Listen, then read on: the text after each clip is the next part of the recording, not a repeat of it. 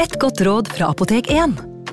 Nå er snart pollensesongen i gang, og et godt råd til deg som sliter med pollenallergi, er å begynne behandlingen i god tid før allergisesongen starter. Da får du nemlig enda bedre effekt av legemidlene, og så blir ikke våren din helt ødelagt. Kom innom og få råd på ditt nærmeste Apotek 1, eller chat med oss på apotek1.no. Apotek 1 vår kunnskap, din trygghet.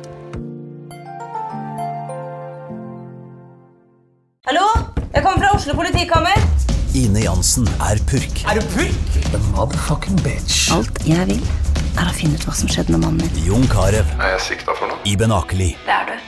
Ole So, Lars Berrum og Big Daddy Karsten. Hvem sin side er du på, egentlig? Anette Hoff, Tone Danielsen, Kommer du fra Afrika? Jørnis Josef, Nesten kløfta. Trond Espen Seim, Det er synd å si det, men det var feil mann som døde. Purk. Premiere tirsdag på TV2 Play. Ungsamtalen fra DNB er økonomisk veiledning tilpasset deg som er ung. Bokk en ungsamtale på dnb.no. slash ung. Det er kjempebra hvis du skal inn på boligmarkedet, hvis det er drømmen din, liksom. Det er det du skulle sagt. Og så kunne du ropt litt mer, da, sånn som jeg gjorde. Bam! Advarsel. Historiene vi forteller i denne podkasten kan være fiktive og avvike fra den opprinnelige historien av dramaturgiske årsaker. Meninger og påstander i historiene reflekterer nødvendigvis ikke programledernes meninger eller virkeligheten.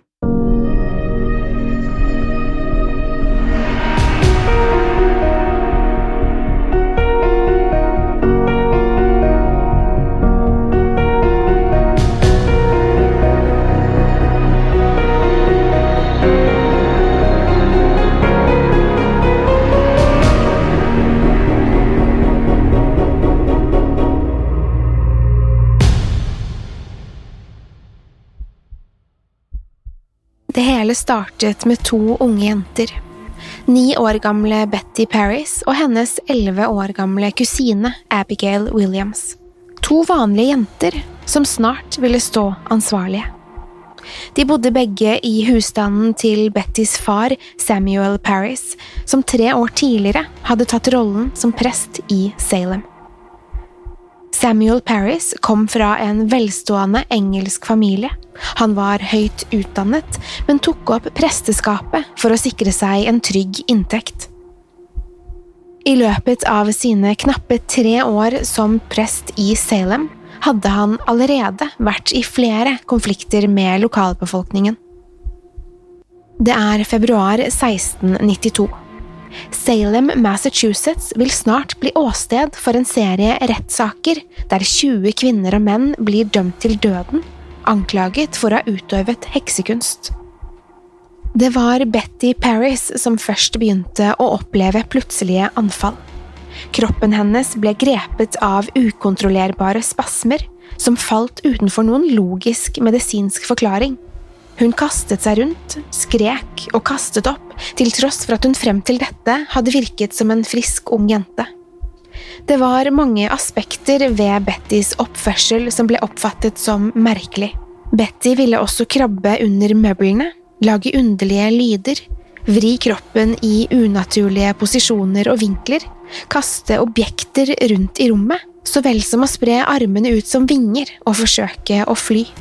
Denne oppførselen spredte seg raskt til Abigail Williams, som led av mange av de samme symptomene. Jentene klagde over at det kjentes ut som de ble kløpet, bitt og mishandlet av en kraft som ingen kunne se eller registrere på noe annet vis. Det tok ikke lang tid før dette ble oppfattet som mer enn bare ulydige eller fantasifulle barn. Det ble snart mistenkt at Betty og Abigail var blitt forhekset, og snart var det flere av barna i landsbyen som begynte å vise lignende symptomer. Frykten for at det levde en heks blant Salems befolkning spredte seg som ild i tørt gress. Heksekunst var på ingen måte et nytt konsept. I Europa hadde ideen om at djevelen ga overnaturlige, mørke krefter til utvalgte mennesker eksistert siden 1400-tallet. På denne tiden trodde man at det kun var ved å påvirke og manipulere mennesker at djevelen kunne utøve sin makt på jorden. Denne troen hadde menneskene som emigrerte til USA brakt med seg. Troen var også utbredt blant innbyggerne i Salem. Frykten for at det var heksekunst som var årsaken til at Betty og Abigails anfall, kom med andre ord ikke ut av ingenting. Det var en lokal lege, William Griggs, som først diagnostiserte de to jentene som forhekset. Det tok ikke lang tid før de andre unge jentene i landsbyen fikk samme diagnose. Kort tid etter dette kom de første anklagene mot de antatte heksene. Den første var Tituba, en slave Samuel Paris hadde med seg fra Barbados.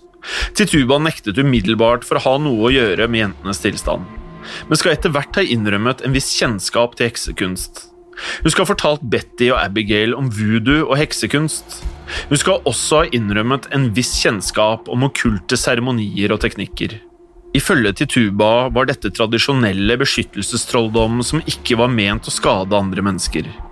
Tituba fortsatte derfor å nekte for at hun var en heks, til tross for hennes kjennskap til trolldommene men etter å ha blitt utsatt for grov mishandling og tortur, innrømmet til slutt Tituba sine gjerninger.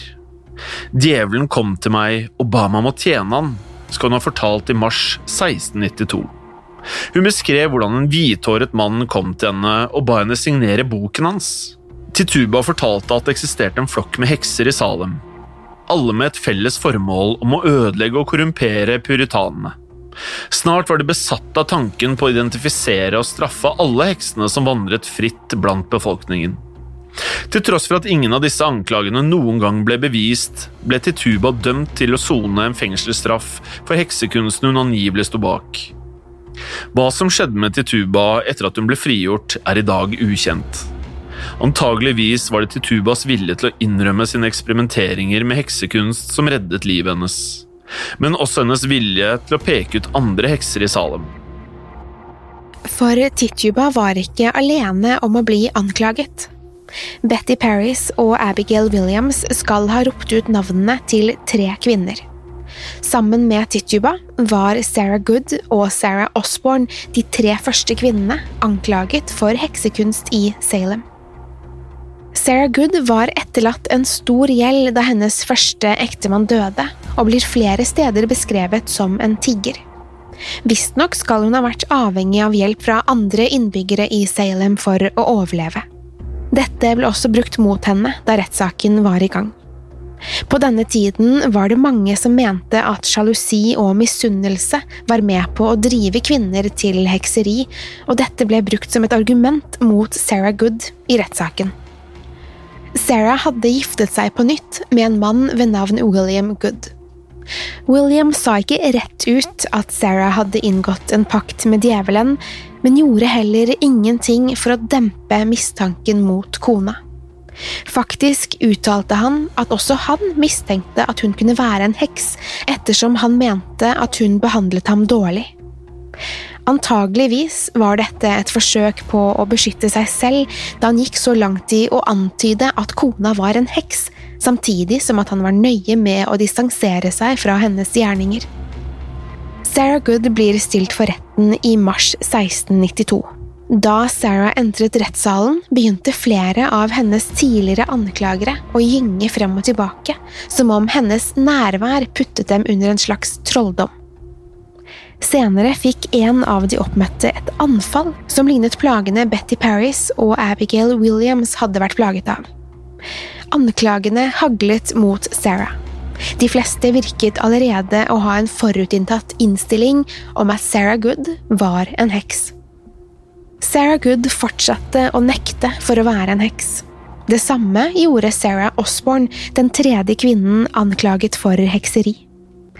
Begge disse kvinnene avviste alle anklager om en fakt med djevelen, eller at de hadde forsøkt å skade barna i Salem. Lokalbefolkningen var allerede skeptiske til Good og Osborne, men deres situasjon ble antageligvis forverret av at Tituba til slutt innrømmet at hun var skyldig i utøvelse av heksekunst. Tituba fortalte at både Sarah Good og Sarah Osborne hadde signert sine navn i Djevelens bok. Hennes vitnemål bekreftet også at det var flere hekser i Salem. Tituba fortalte at hun i hvert fall hadde sett seks andre navn i denne boken, men at hun ikke hadde klart å lese disse navnene. Hun fortalte at det var Gud og Osborne som hadde tvunget henne til å signere navnet sitt i boken, i et forsøk på å redusere sin rolle. Tituba fortalte videre om Sarah Goods heksekunster. Hun beskrev hvordan Good hadde forhekset katter og fugler og manipulert disse til å angripe barn. Disse påstandene ble bekreftet av barna som anklaget henne. Det er lett å dømme Tituba for hennes vitnemål, men det må nevnes at hun også hadde vært offer for brutal tortur før dette. Tilstånden kom ikke frivillig, men skulle bli avgjørende for heksejakten som kom. Sarah Good fortsatte å avvise sin egen skyld, men avviste ikke ideen om at det var andre hekser i Salem. Hun fortalte i sitt forsvar at Tituba og Osborne var de virkelige heksene. Hun fortalte også at Osborne var skyld i mange av anfallene de unge jentene hadde opplevd. I kombinasjon med Titubas tilståelser var Sarah Goods vitnemål en avgjørende faktor i å legitimere heksejaktene. Lokalbefolkningen i Salem så dette som håndfaste bevis på at det var hekser iblant dem. Sarah Good blir ofte fremstilt som en eldre, krokete kvinne med hvitt hår og rynkete hud. Kanskje er dette for å samsvare med de moderne ideene vi har om hekser. Sannheten var at Good var i slutten av 30-årene. Hun hadde et barn som var seks år gammelt, og var gravid på tidspunktet hun sto tiltalt for hekseri. I en tragisk vending ble hennes egen datter Dorothy presset til å vitne mot Sarah Good. Til slutt ble også seks år gamle Dorothy tvunget til å stå anklaget for hekseri. Hun skulle tilbringe syv måneder i fengsel. Dorothy slapp til slutt fri, men slet psykisk med disse opplevelsene for resten av sitt liv. Sarah Good ble dømt til døden.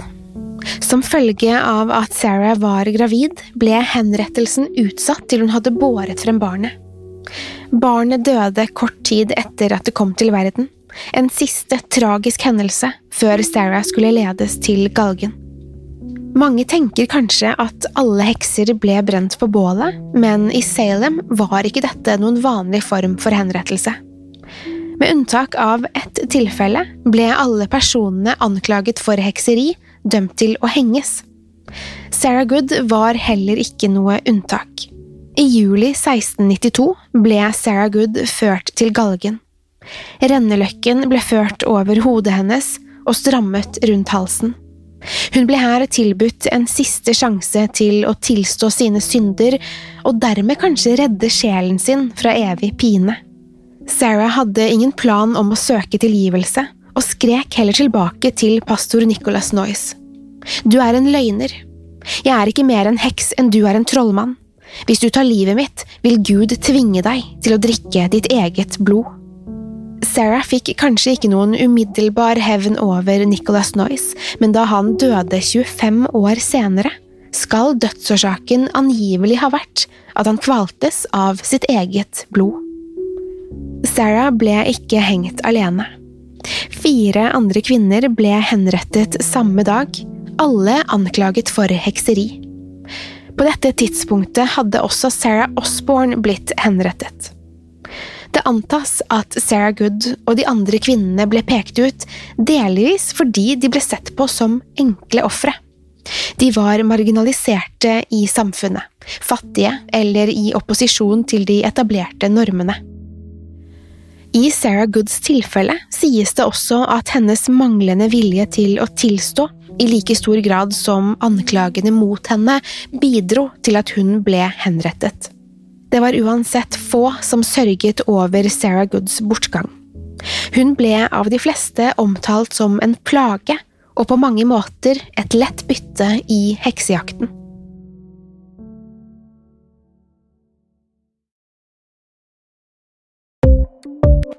Du glad i Skrekkpodden, sjekk gjerne ut andre podkaster fra moderne media, som Historiepodden, Mørkeredd eller Truecrime-podden.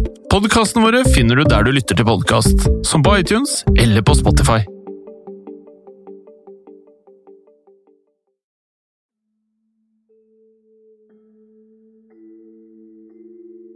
Over de neste månedene fortsatte hekseprosessen i Salem, og stadig flere ble dømt og henrettet.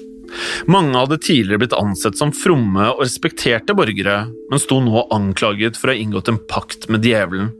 Alle var heller ikke like standhaftige som Sarah Good og Sarah Osborne. Snart innrømmet flere at de var hekser, og anklaget andre for det samme, i et desperat forsøk på å redde seg selv. Det høres nesten utrolig ut at alt dette kunne starte med anklager fra to unge jenter, men etter hvert som symptomene blant de unge jentene spredte seg, spredte også hysterien i samfunnet seg.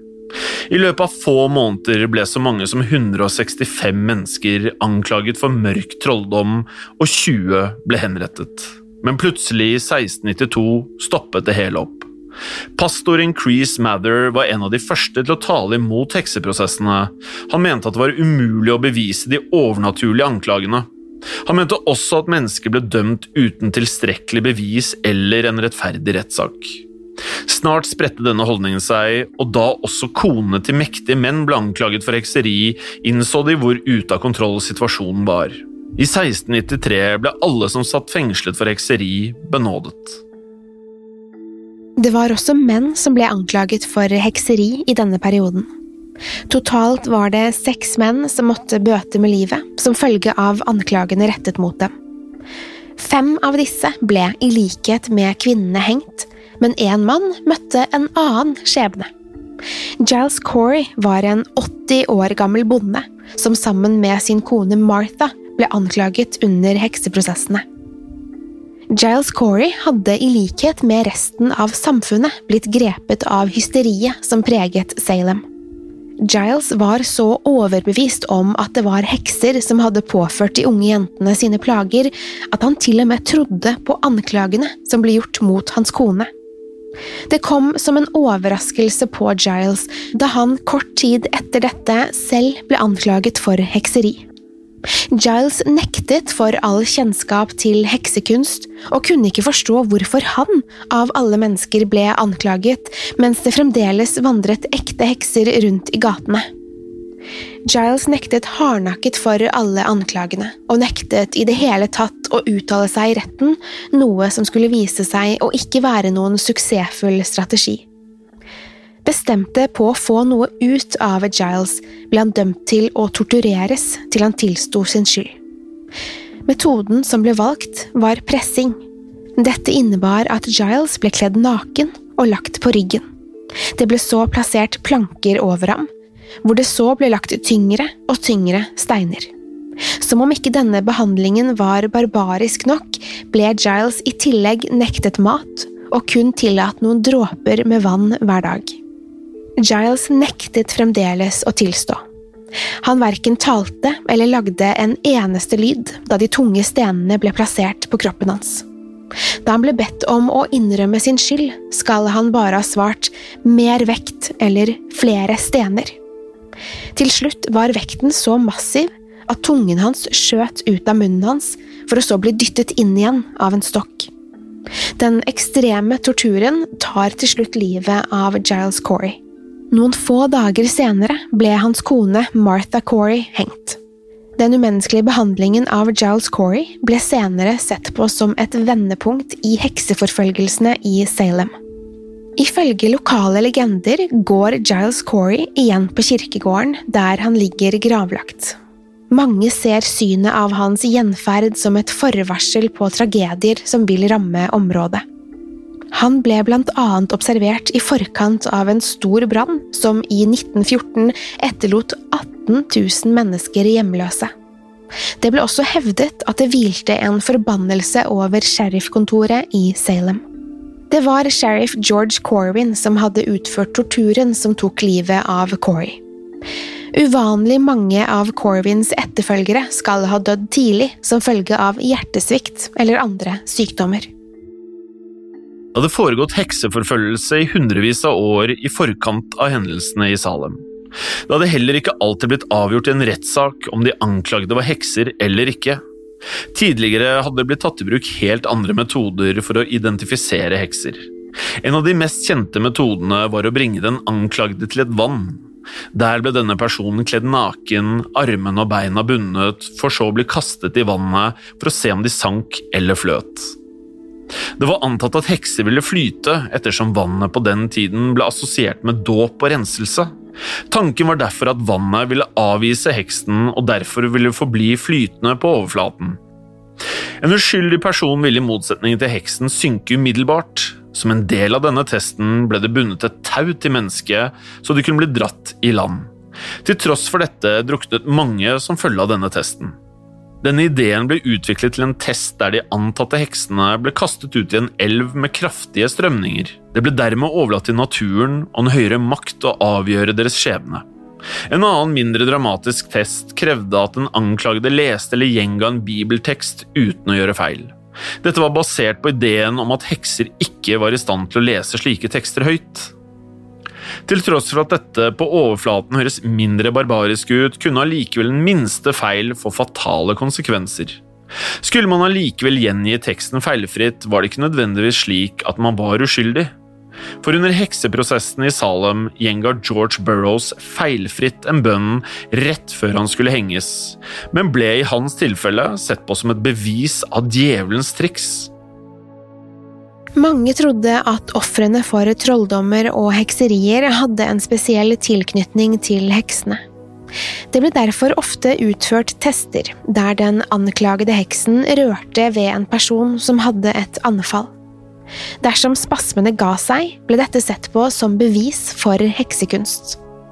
Disse testene var naturligvis enkle å forfalske, og ble derfor i noen tilfeller utført med bind for øynene. Andre versjoner av denne testen ble gjort verbalt. Den anklagede heksen ville i disse tilfellene bli bedt om å drive djevelen ut av ofrene sine. I likhet med berøringstesten ville det bli sett på som bevis for hekseri dersom offeret umiddelbart så en bedring. Det var også antatt at hekseri ble merket med et fysisk symbol når de gikk inn i pakten med djevelen. Dette kunne endre form, fasong og utseende, men det var antatt at det ikke var mottakelig for smerte. Alt fra føflekker, fødselsmerker, arr og tatoveringer kunne bli identifisert som slike heksemerker og kunne bidra til at den anklagede ble dømt som heks. Andre fysiske endringer på kroppen kunne inkludere en ekstra brystvorte som ble brukt til å mate heksenes hjelpedyr.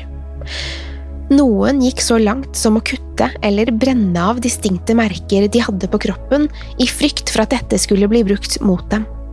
Dette bar sjeldne resultater, og ledet isteden til denne typen sår som ble sett på som bevis for deres pakt med djevelen. Dersom disse merkene ikke lot seg identifisere, kunne de forsøke å stikke de anklagede med nåler mens de lette etter områder som ikke var sensitive for smerte og ikke ville blø. I noen tilfeller ble det benyttet nåler uten spiss, som ble brukt som bevis mot de anklagede. Når de da stakk personene med disse sløve nålene, ville de ikke reagere med smerte, og de ville heller ikke produsere blod. Dette ledet naturligvis til at de ble identifisert som hekser. Under hekseprosessene i Salem ble det produsert en heksekake i et forsøk på å identifisere personen ansvarlig for å ha forhekset Betty Paris og Abigail Williams. Det var slavepiken Tituba som lagde denne kaken, som besto av urin fra anklagerne, blandet med rugmel og aske. Denne ble så matet til et dyr som de antok tjente heksen, slik at dyret skulle identifisere den skyldige. Kanskje ikke så overraskende ledet ikke denne heksekaken til noen avsløringer, og ble heller brukt som bevis mot Tituba i hennes rettssak. Det er i dag antatt at Meldrøyet spilte en sentral rolle i hysteriet som brøt ut i Salem. Meldrøye er en soppart som annet finnes i rug, hvete og bygg, som kan medføre forstyrrelser i nervesystemet. Blant symptomene ved inntak er kramper og spasmer, kløe, kvalme så vel som psykiske lidelser. Mange av disse symptomene korrelerer med lidelsene de unge jentene i Salem beskrev. Mange knytter også meldrøye til hekseprosessene i Nord-Norge på 1500- og 1600-tallet. Det er altså lite som tyder på at Betty Paris og Abigail Williams løy da de beskrev de voldsomme symptomene. Den eneste av jentene i Salem som kom med en unnskyldning etter at heksejakten roet seg, var Ann Putnam jr. Faren hennes, Thomas Putnam, hadde vært en sentral figur under prosessene, og sammen hadde de stått ansvarlig for 105 av anklagene som ble gjort. Anne Putnam skal ha blitt alvorlig syk etter hekseprosessene, og døde ti år senere. Det har blitt foreslått at anstrengelsene hun påførte kroppen sin under rettssakene, hadde hatt vedvarende konsekvenser på kroppen hennes. Samuel Paris ble i 1693 tiltalt for sin rolle i hekseprosessene. Han beklaget seg senere og ble frikjent for all skyld. Da det hele var over, hadde hekseprosessen i Salem krevd 20 menneskeliv.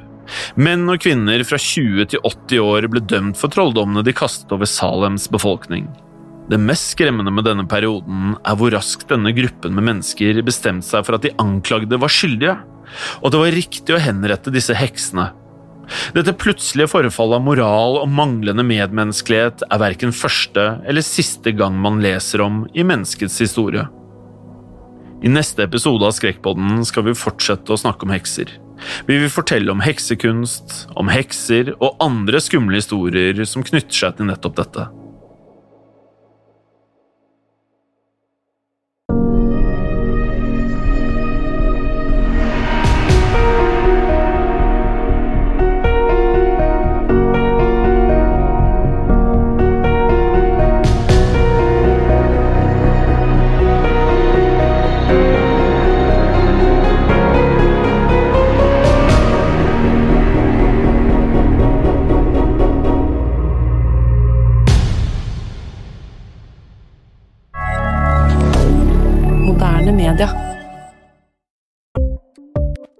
Ukens annonsør er Folio, en smartere banktjeneste for deg som har en egen bedrift eller ønsker å starte for deg selv. Folio er en superenkel nettbank for bedrifter. Som kunde i Folio får du en bedriftskonto med et bedriftskort og app. I denne appen er det smarte løsninger som forenkler regnskapet ditt, uansett om du har en liten bedrift eller et enkeltpersonsforetak.